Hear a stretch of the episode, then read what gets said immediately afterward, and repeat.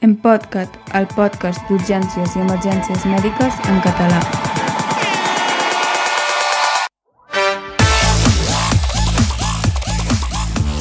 Benvingudes i benvinguts a l'episodi 4 de l'Empodcat, a l'espai per conversar de les urgències i emergències sanitàries, conduït per en Xavier Basurto i l'Alberoms. Bon dia, Xavier. Hola, bon dia. Jo sóc en Xavi Basurto, del blog d'Urgemcat i a Can Twitter eh, arroba Urgemcat. I no ens ho ha dit, però el Xavier Basurto viu a l'Empordà, on segur que fa una fresca i bufa la tramuntana. Aquí a l'Empordà doncs, eh, hem fet uns dies, hem tingut uns dies de força vent, però ara la cosa està molt calmada, fa solet. I aquí l'Alberoms, arroba Emermet Pirineus a Twitter i a mastodon.cat també. Soc infermer d'urgència a l'Hospital de Cerdanya i a la Cerdanya, per variar, també ens fa solet i s'està força bé. No massa fred a la nit, que també és d'agrair. Molt bé, doncs avui eh, tenim un tema molt interessant, un tema cardiològic, eh, amb el qual l'Albert ens explicarà què és això dels, dels IMAOs i, de, i aquestes coses rares que ara ja no són infarts amb elevació de l'ST, sinó que, que en diem d'una altra manera, perquè es veu que això de l'elevació de l'ST ja no es porta, o alguna cosa està passant en el món científic de les urgències cardiològiques que no acabem d'entendre i, l'Albert ens ho explicarà en pèls i senyals. Albert, com vulguis. Va, a veure si ho puc explicar en pèls i senyals i que no duri massa estona, que això serà difícil. Val, de què va la cosa? Mira, fa ja un parell o tres d'anys, gent d'aquesta sàvia, algun dels quals em vaig recomanar el seu blog fa... No sé si va ser l'episodi 1, ja no me'n recordo quin episodi era, el famós blog del doctor Smith, van escriure un manifest, ells n'hi van dir Diomi Manifesto, de Occlusion MI Manifesto, perquè es volien carregar el concepte de síndrome coronari agut amb elevació de l'ST. En anglès això es diu STEMI, ST Elevation MI, eh, això, infart de miocardi amb elevació de l'ST. I van fer un document, eh, això fa un parell o tres d'anys, que el vaig llegir, em va semblar molt interessant, molt adequat, deia coses que eren molt coherents i vaig pensar en això, és interessant, me'l vaig llegir. Tal. I això ho van publicar el 2018, però en els últims tres anys, bé, dos, perquè l'any de la pandèmia no compta, han començat a sortir estudis científics que busquen canviar aquest, eh, aquesta forma, aquest paradigma de l'infart amb elevació de l'ST. Per explicar una miqueta això, potser és millor començar amb una mica d'història. Si algun del lloc recorda els infarts Q i els infarts no Q, doncs probablement estigui a prop de jubilar-se. Felicitats. Això és el que existia abans de tenir dos coses importants amb el tractament de l'infart. Bàsicament era el tractament, és a dir, tenir alguna cosa a fer eh, en comptes d'esperar que l'infart passés i a veure com quedaven. I un altre tema important és l'existència dels biomarcadors, dels enzimes que ens permeten veure que hi ha hagut dany miocàrdic i com de gran estat abans de tot això existia l'IAM-Q, l'IAM-no-Q. Això devem estar parlant de finals dels 80, principis dels 90. Això, això que deu ser generació... Són boomers aquests o ja no sé com posar-los. Treballaven als anys 80 i deuen ser d'abans i tot, eh? Aquests... Eh... Sí, jo crec que ja no... Bueno, sí que n'he sentit a parlar i tal, però ja no... No, no ho he fet servir mai, això jo.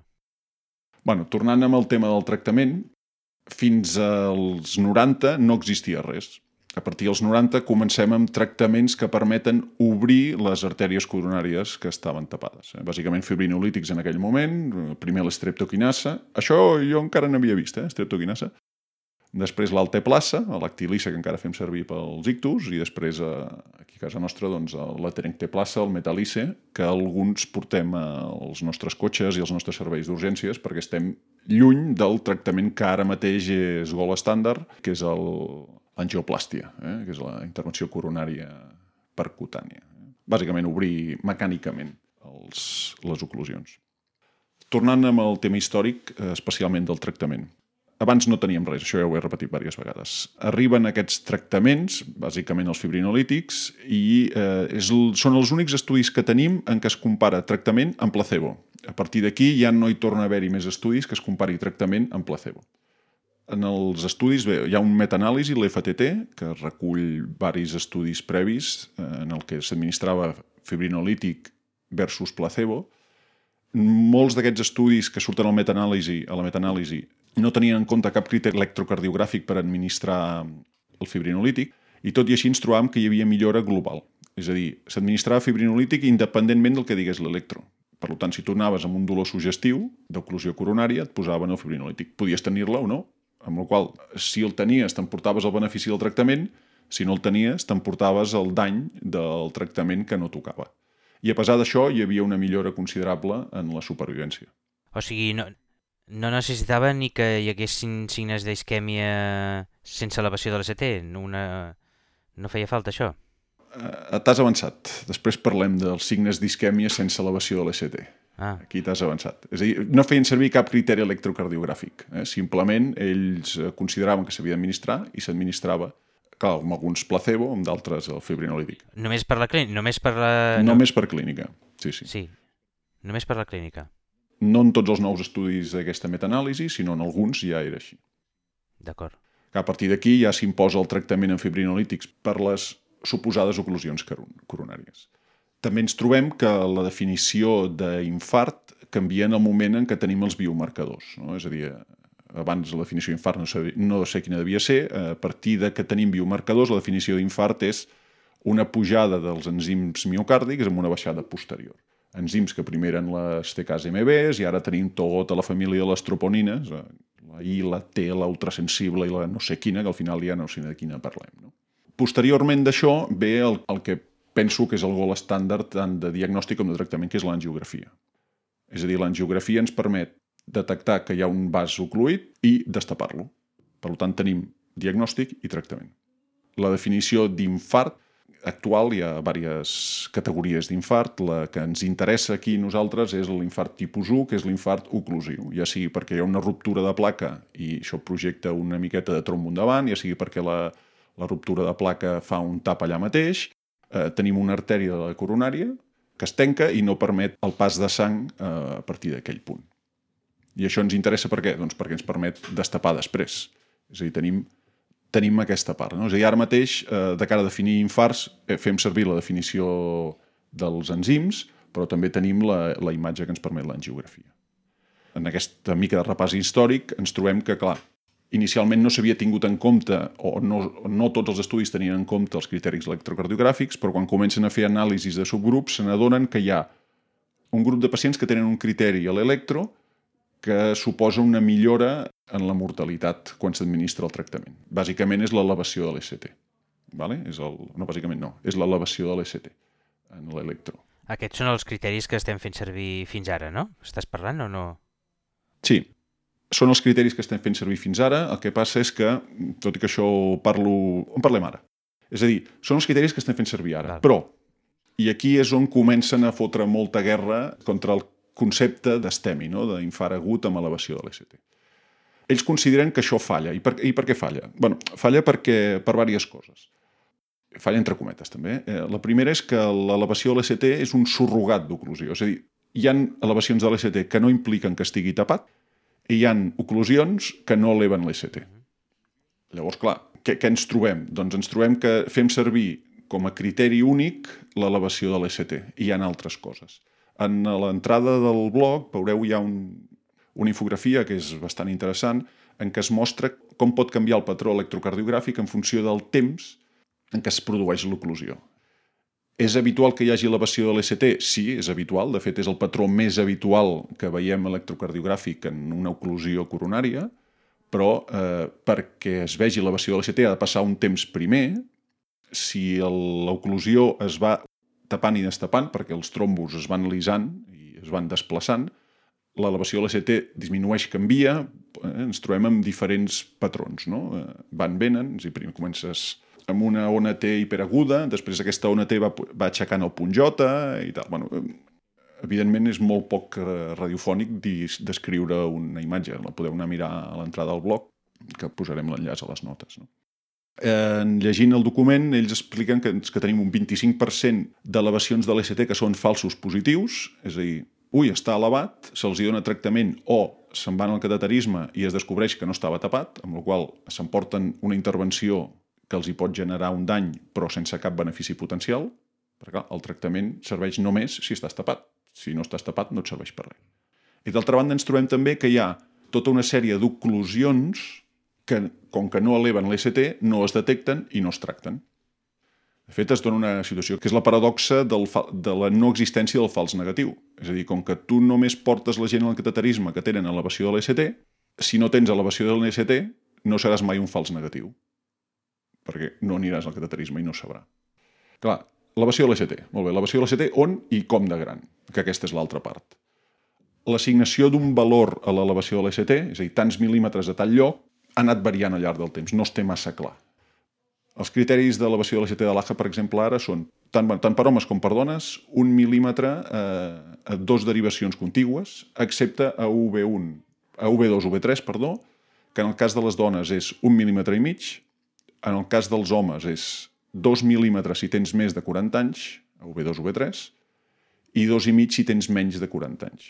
Vale? Això són els criteris de l'AJA si ens fixem en els criteris del Codi IAM, del Codi Infart del Sistema d'Emergències Mèdiques de Catalunya, ens parla d'aquest un mil·límetre d'elevació de l'EST a totes les derivacions, independentment de si ets home i és dona, evidentment, i en el cas de B1 a B3, eh, 2 mil·límetres. No té en compte ni el sexe ni l'edat. Si ens fixem també en els criteris del Codi IAM del, del SEM de Catalunya, també ens demana que hi hagi imatge especular, que els canvis persisteixin a passar de tractament amb nitro, amb nitroglicerina, i, oh, mira, bloqueig de branca esquerra de nova aparició. És a dir, ens posen un criteri que no és estrictament d'elevació de l'EST. És a dir, des de que aquests estudis antics veuen que un patró d'oclusió és l'elevació de l'EST, han anat apareixent altres patrons que també mostren oclusió però no es tenen en compte per què? Perquè no són elevació de l'EST. Per exemple, la presentació d'un bloqueig de branca esquerra de novo s'havia considerat un criteri d'oclusió coronària. I n'hi ha varis més. És a dir, per exemple, se'ns deia que si tu ja tenies un bloqueig de branca esquerra conegut, brevi, el dolor coronari, doncs era impossible saber si tenies elevació de l'EST o no doncs, bueno, hi ha criteris electrocardiogràfics, la, criteris d'esgarbosa-Smith, que et permeten avaluar això. No? Si, si es veu o no urgència coronària un electro d'algú amb un bloqueig de branca esquerra o amb un rima de marcapàs, que això també abans semblava que era impossible. No? I com és que havent-hi com és que havent-hi altres patrons, a més a més del d'elevació de, de l'EST, no tenen el valor que té l'elevació de l'EST. És a per entrar al codi IAM necessites, o sigui, perquè et facin cateterisme necessites elevació de l'EST. Quan no tens elevació de l'EST, uf, Clar, el problema és, i en això eh, fan molta sang en el, en el document, el problema és el nom, el concepte aquest tan enganxós de elevació de l'EST. Com que això, pum, se't queda, se't queda aquí dins el cervell, elevació de l'EST, elevació de l'EST. Què busques? Elevació de l'EST. I què hauria de buscar? Hauria de buscar una oclusió coronària. Perquè l'elevació de l'EST, sí, pot ser una oclusió coronària, però pot no ser-ho. I el tractament per què el tinc? Per l'elevació de l'EST o per l'oclusió coronària? Que el tractament el tinc per l'oclusió coronària. Per tant, jo el que haig de fer és buscar oclusió coronària, no elevació de l'EST. Sí, és veritat, la majoria d'oclusions coronàries tindran elevació de l'EST, però no totes. Vale? I el concepte elevació... Sí, no, per això digues, digues. parles que l'elevació de l'EST pot ser com una variable subrogada no? o indirecta del que realment important que és, que és l'oclusió. És per això, no? Que, que parles de la, de la, que és una variable subrogada. Exactament. És a dir, aquest, aquesta és la clau. La clau és, si nosaltres busquem elevació de l'EST, se'ns escaparan aquest eh, entre un quart i un terç de tots els síndromes coronaris sense elevació de l'EST que tenen una oclusió, aquests no aniran a cateterisme i, per tant, no es beneficiaran d'un tractament que els aniria bé, i alhora, si portem al cateterisme totes les elevacions de l'ECT, ens trobarem que un 20, al voltant d'un quart són pacients que ja tenen una elevació una elevació de l'ECT que no implica oclusió, que s'emportaran una teràpia que no era necessària.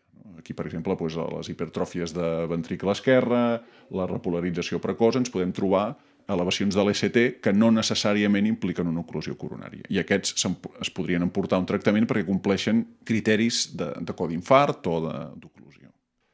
Eh, justament ara el SEM, el, el codi infart del SEM de Catalunya és de les, les últimes actualitzacions crec que són de 2014 i ara el SEM està en, en el procés de revisar eh, totes les guies i protocols que tenen, i un dels quals és el del Codi IAM, no? precisament perquè fa molt temps que van sortint diferents criteris. Fixa't, en el mateix Codi IAM del 2014 ja parlen del bloqueig de branca esquerra de novo per entrar dins el Codi IAM.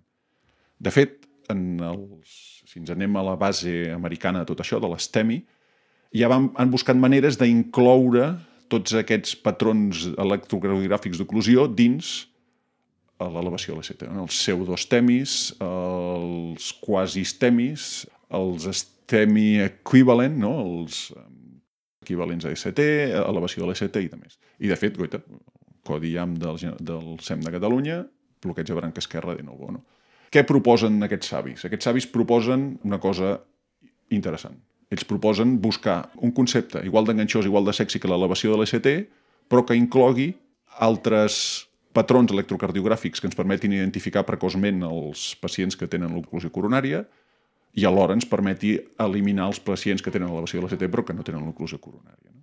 I ells arriben a aquest nom que de moment encara no està especialment establert, però sí que ja es va parlant d'oclusió coronària aguda... Ells arriben a aquest nom que n'hi han dit OMI, no? OMI, Occlusion Myocardial Infarction, eh, infart de miocardi oclusiu. Aquí, bueno, no tenia massa clar com traduir-ho, si posar-ho com a IMO, infart de miocardi oclusiu, o IAM, infart degut de miocardi oclusiu. Al final ens hem decidit per IAMO, eh? que no sé, jo, no sé si serà gaire sexy, la veritat és que també és, és que est i és que est eh, tampoc és que fos gaire sexy, eh? Vull dir, tampoc, eh, tampoc en pitjorem gaire. No? Ells proposen fer aquest canvi amb la idea de canviar l'objectiu d'allò que busquem. És a dir, nosaltres busquem un resultat. Volem destapar una oclusió. No busquem un dibuix, volem destapar una oclusió. I aquesta és la idea amb el canvi aquest que proposen. Si tindrà ganxo o no aquest eh, concepte d'OMI, de IAMO, doncs no ho sé, ho veurem, a veure el temps ens ho dirà. De moment, per la part que em toca, jo ja he fet una miqueta soroll, eh, a veure amb les noves guies del SEM, a veure com, com reflexionaran això.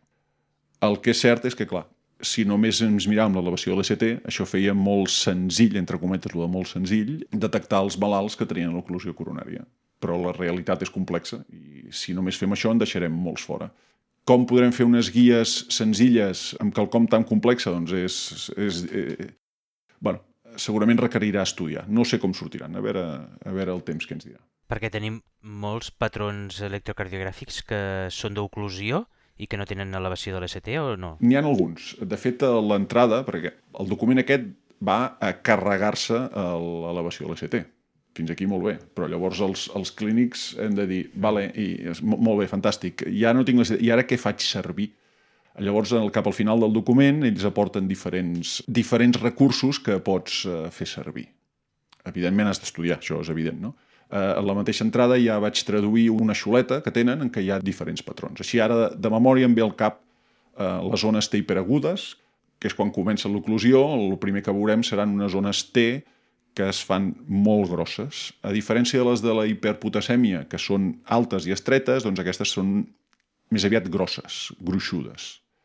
Això per una banda.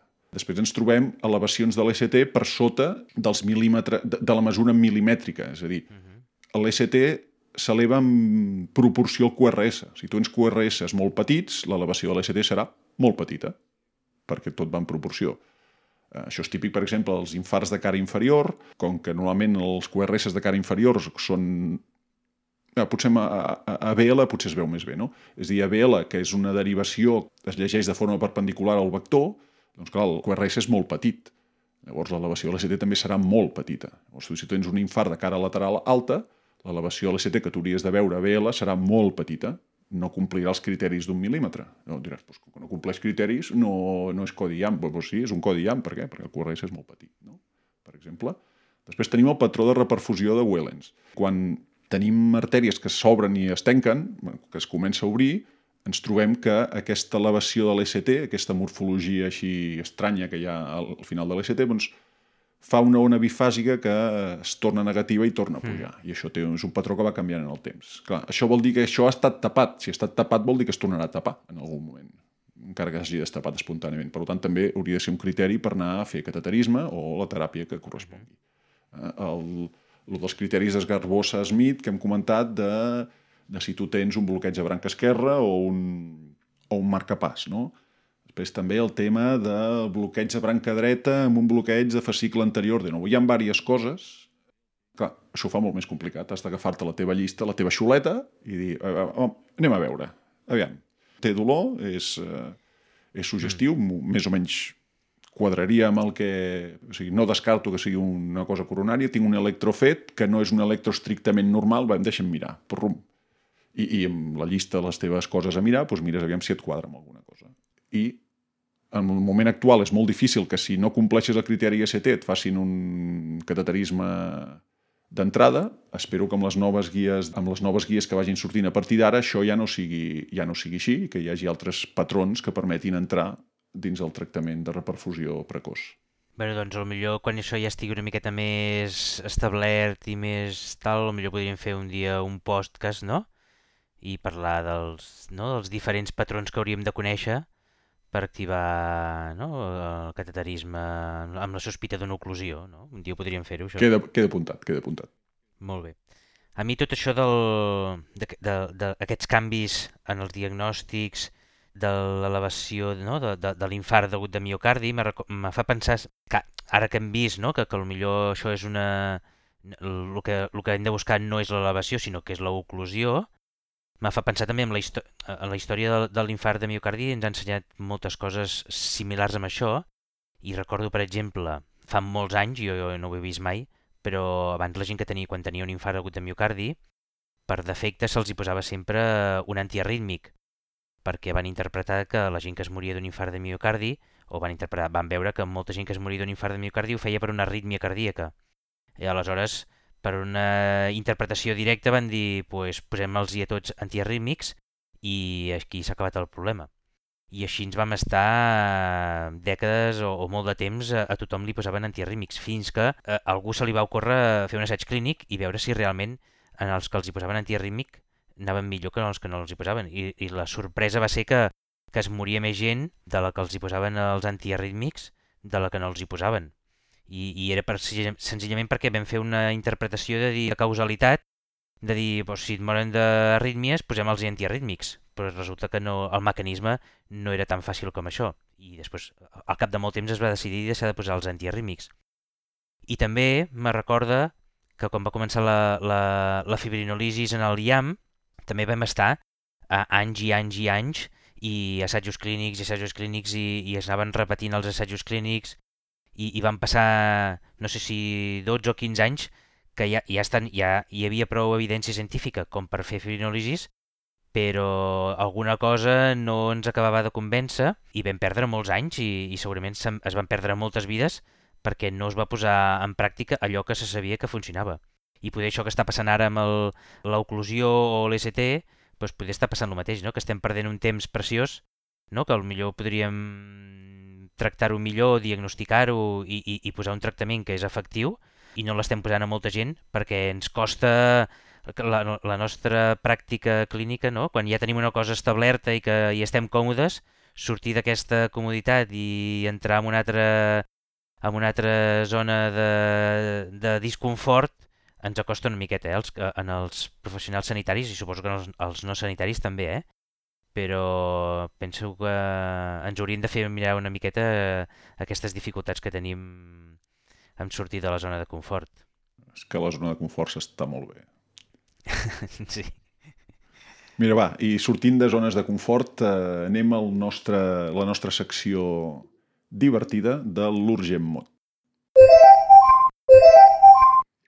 i deia sortir de la zona de confort perquè, mira, amb l'urgent mot d'aquest episodi, jo em quedo que m'han tret d'una altra zona de confort. Jo he triat un mot que... Jo treballo en un hospital que és transfronterer. És una, és una, algun dia potser podem parlar, no? que és una cosa única i de més. Eh, nosaltres tenim clients de dos països diferents. I els clients del país veí, que bueno, és una frontera ridícula perquè d'un costat a l'altre travessem tranquil·lament i no hem de fer res, um, quan es fan una torçada o una distensió de turmell, ells es fan una entorça de xavilla. I, és clar aquí era molt apanyat, això, tu. Fes una entorsi i, escolta'm, ja, tant si parles com no parles ja t'entenen. Perquè d'entors i entorça doncs, no hi ha massa diferència. Doncs pues no, no està ben dit. S'ha de dir una torçada o distensió, més que entorsi. Mira, ara això no ho sabràs, però Aquí a Cerdanya també parlen... Els que són de Cerdanya tota la vida tenen un parlar divertit. És el, cerat, és el ceretà o quin... No, no, evidentment és català, però tenen els seus mots divertits. I eh, de tant en tant tenim algú que s'ha fet una torçada del clavillar. Sí, la clavilla, sí, sí. Clavillar, doncs probablement diràs això, què Eh? Doncs eh, és el turmell sí. i resulta que, clar, en francès, eh, ser l'entocs de Xevilla, Xevilla. no? Xevilla, clavillar, doncs s'acosta una miqueta. Uh -huh. Però en torsi no serveix, eh? ho hem de dir, torçada de distensió. Au, una, una, un confort menys que tindré a partir d'ara.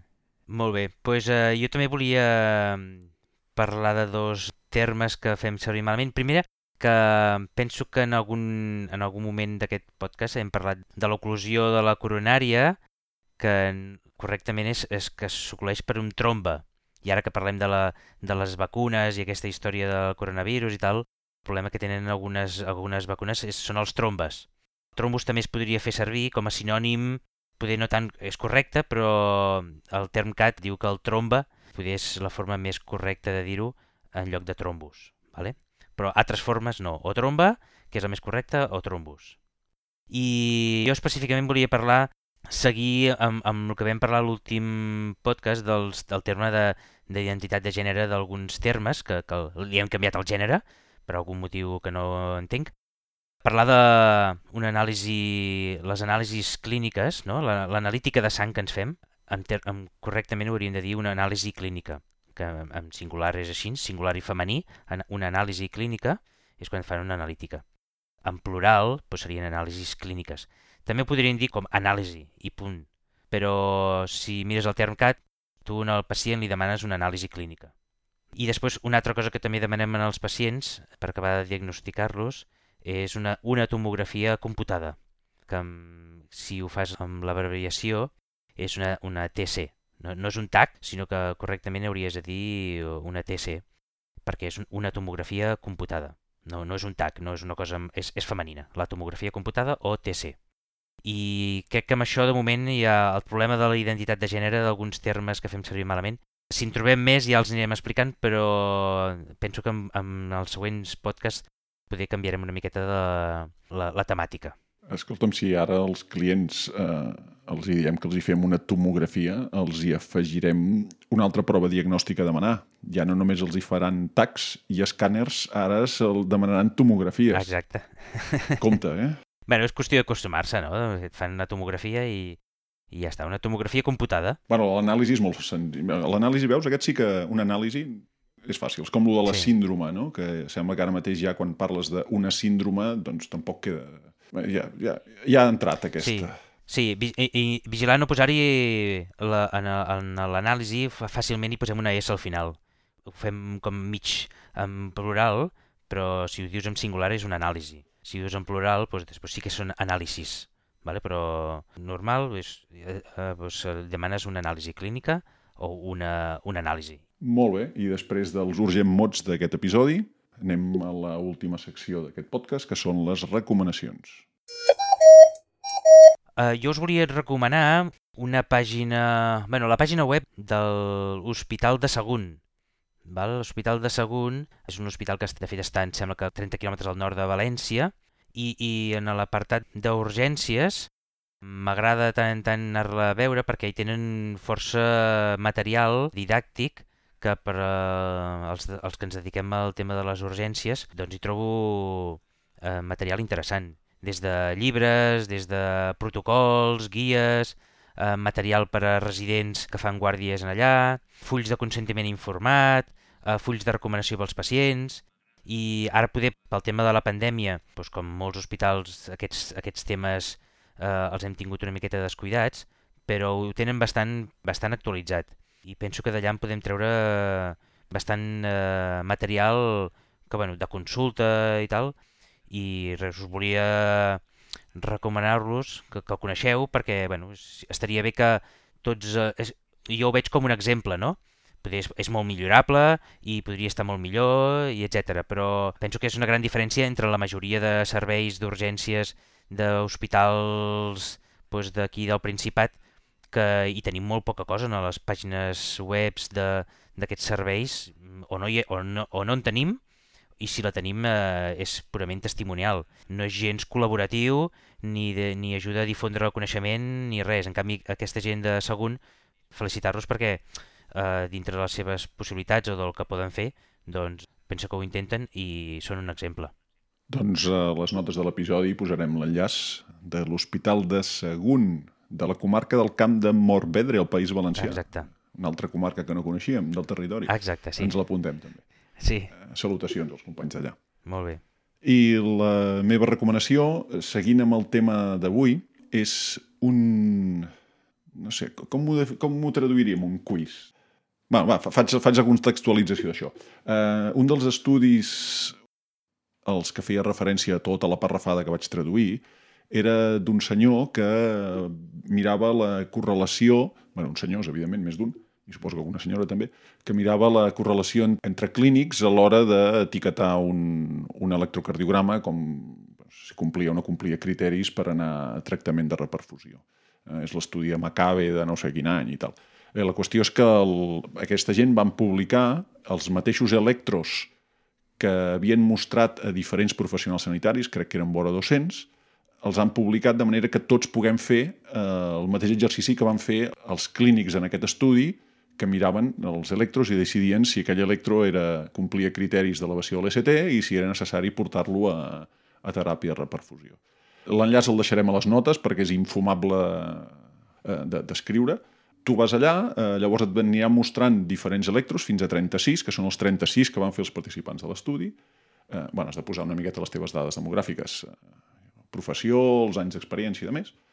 Llavors et, ell et va presentant el, els electros i tu has de dir si allò està tapat o no està tapat, si està tapat o no està tapat. I, i els vas fent tots 36. I quan acabes et dona un- el teu resultat, és a dir, de tots aquells electros et diu quin era el, la resposta correcta i com ho has fet tu. I al final de tot tens una taula que diu com ho has fet tu respecte als participants de l'estudi amb, amb una certa distribució demogràfica, no? és a dir, com ho van fer els, els d'urgències, com ho van fer els cardiòlegs i tal. bueno, és, és, és interessant. I, de fet, eh, això ho vaig aprofitar per fer un fil a, a Twitter, que ara he deixat penjat al blog. I l'he deixat, deixat allà posat perquè bueno, vaig fer-lo servir per fer veure que hi havia oclusions sense elevació a l'ECT, bueno, per jugar una miqueta aquí. És interessant, és un exercici... No, no pren massa temps i et serveix per veure què tal. A més a més et diu en quins la falles més. És a dir, diu, no, mira, resulta que si no et fixes amb la depressió de l'ECT a la cara anterior, que això et fa pensar en una elevació de la- de l'ECT de la cara posterior, doncs, eh, se t'escaparan aquests. És interessant, val la pena fer. Perquè el, el diagnòstic definitiu de la patologia del miocardi ho, ho feien a través de cateterisme? O com està fet això? La, o sigui, el diagnòstic definitiu, si l'has encertat o no l'has encertat, amb què es basava? Amb, el, amb la imatge del, de l'angiograma o, o què? Doncs mira, ara mateix no ho recordo, però la màgia de l'edició d'àudio farà que quan la gent ens escolti eh, ja els pugui contestar i dir, doncs pues mira, sí, això es va fer per enzimes o es va fer per angiografia. Ep, entro aquí per confirmar que aquests electros estan validats amb angiografia. És a dir, tots els electros que surten en aquest recurs eh, se sap si estan ocluïts o no en base a l'angiografia que se'ls hi va fer. I apa, ara tornem al podcast. Val, val, val. I, i érem els criteris eh, actuals de la AHA, si era oclusiu o no, o, o amb els criteris nous que hi ha, o que s'estan, els patrons nous aquests que estem parlant aquests No, no, això, aquest estudi es va publicar el 2013, amb el qual això devem estar parlant Ah, de... val, Suposo que es devia fer el 2000, com a molt aviat, el 2011 o 2012. O sigui, aquests criteris actuals són de la definició de l'AHA de, de l'infart, que em sembla que l'última, si no em falla la memòria, és del 2018, amb la qual no... Són els d'aquell moment. Uh -huh. Tampoc hi ha massa diferència, perquè, clar, la literatura en la que es basen les guies tampoc ha canviat tant, eh? per culpa, justament, del criteri aquest de, Ja, ja. de l'ECT, elevació de l'ECT, no hem buscat res més i tampoc han canviat tant.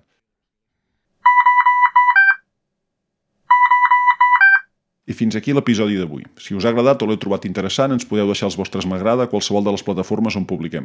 Aprofiteu per subscriure-us-hi i difoneu aquest nou projecte en llengua catalana. Fins a la propera. Molt bé, doncs ens veiem eh, encantats en el pròxim podcast.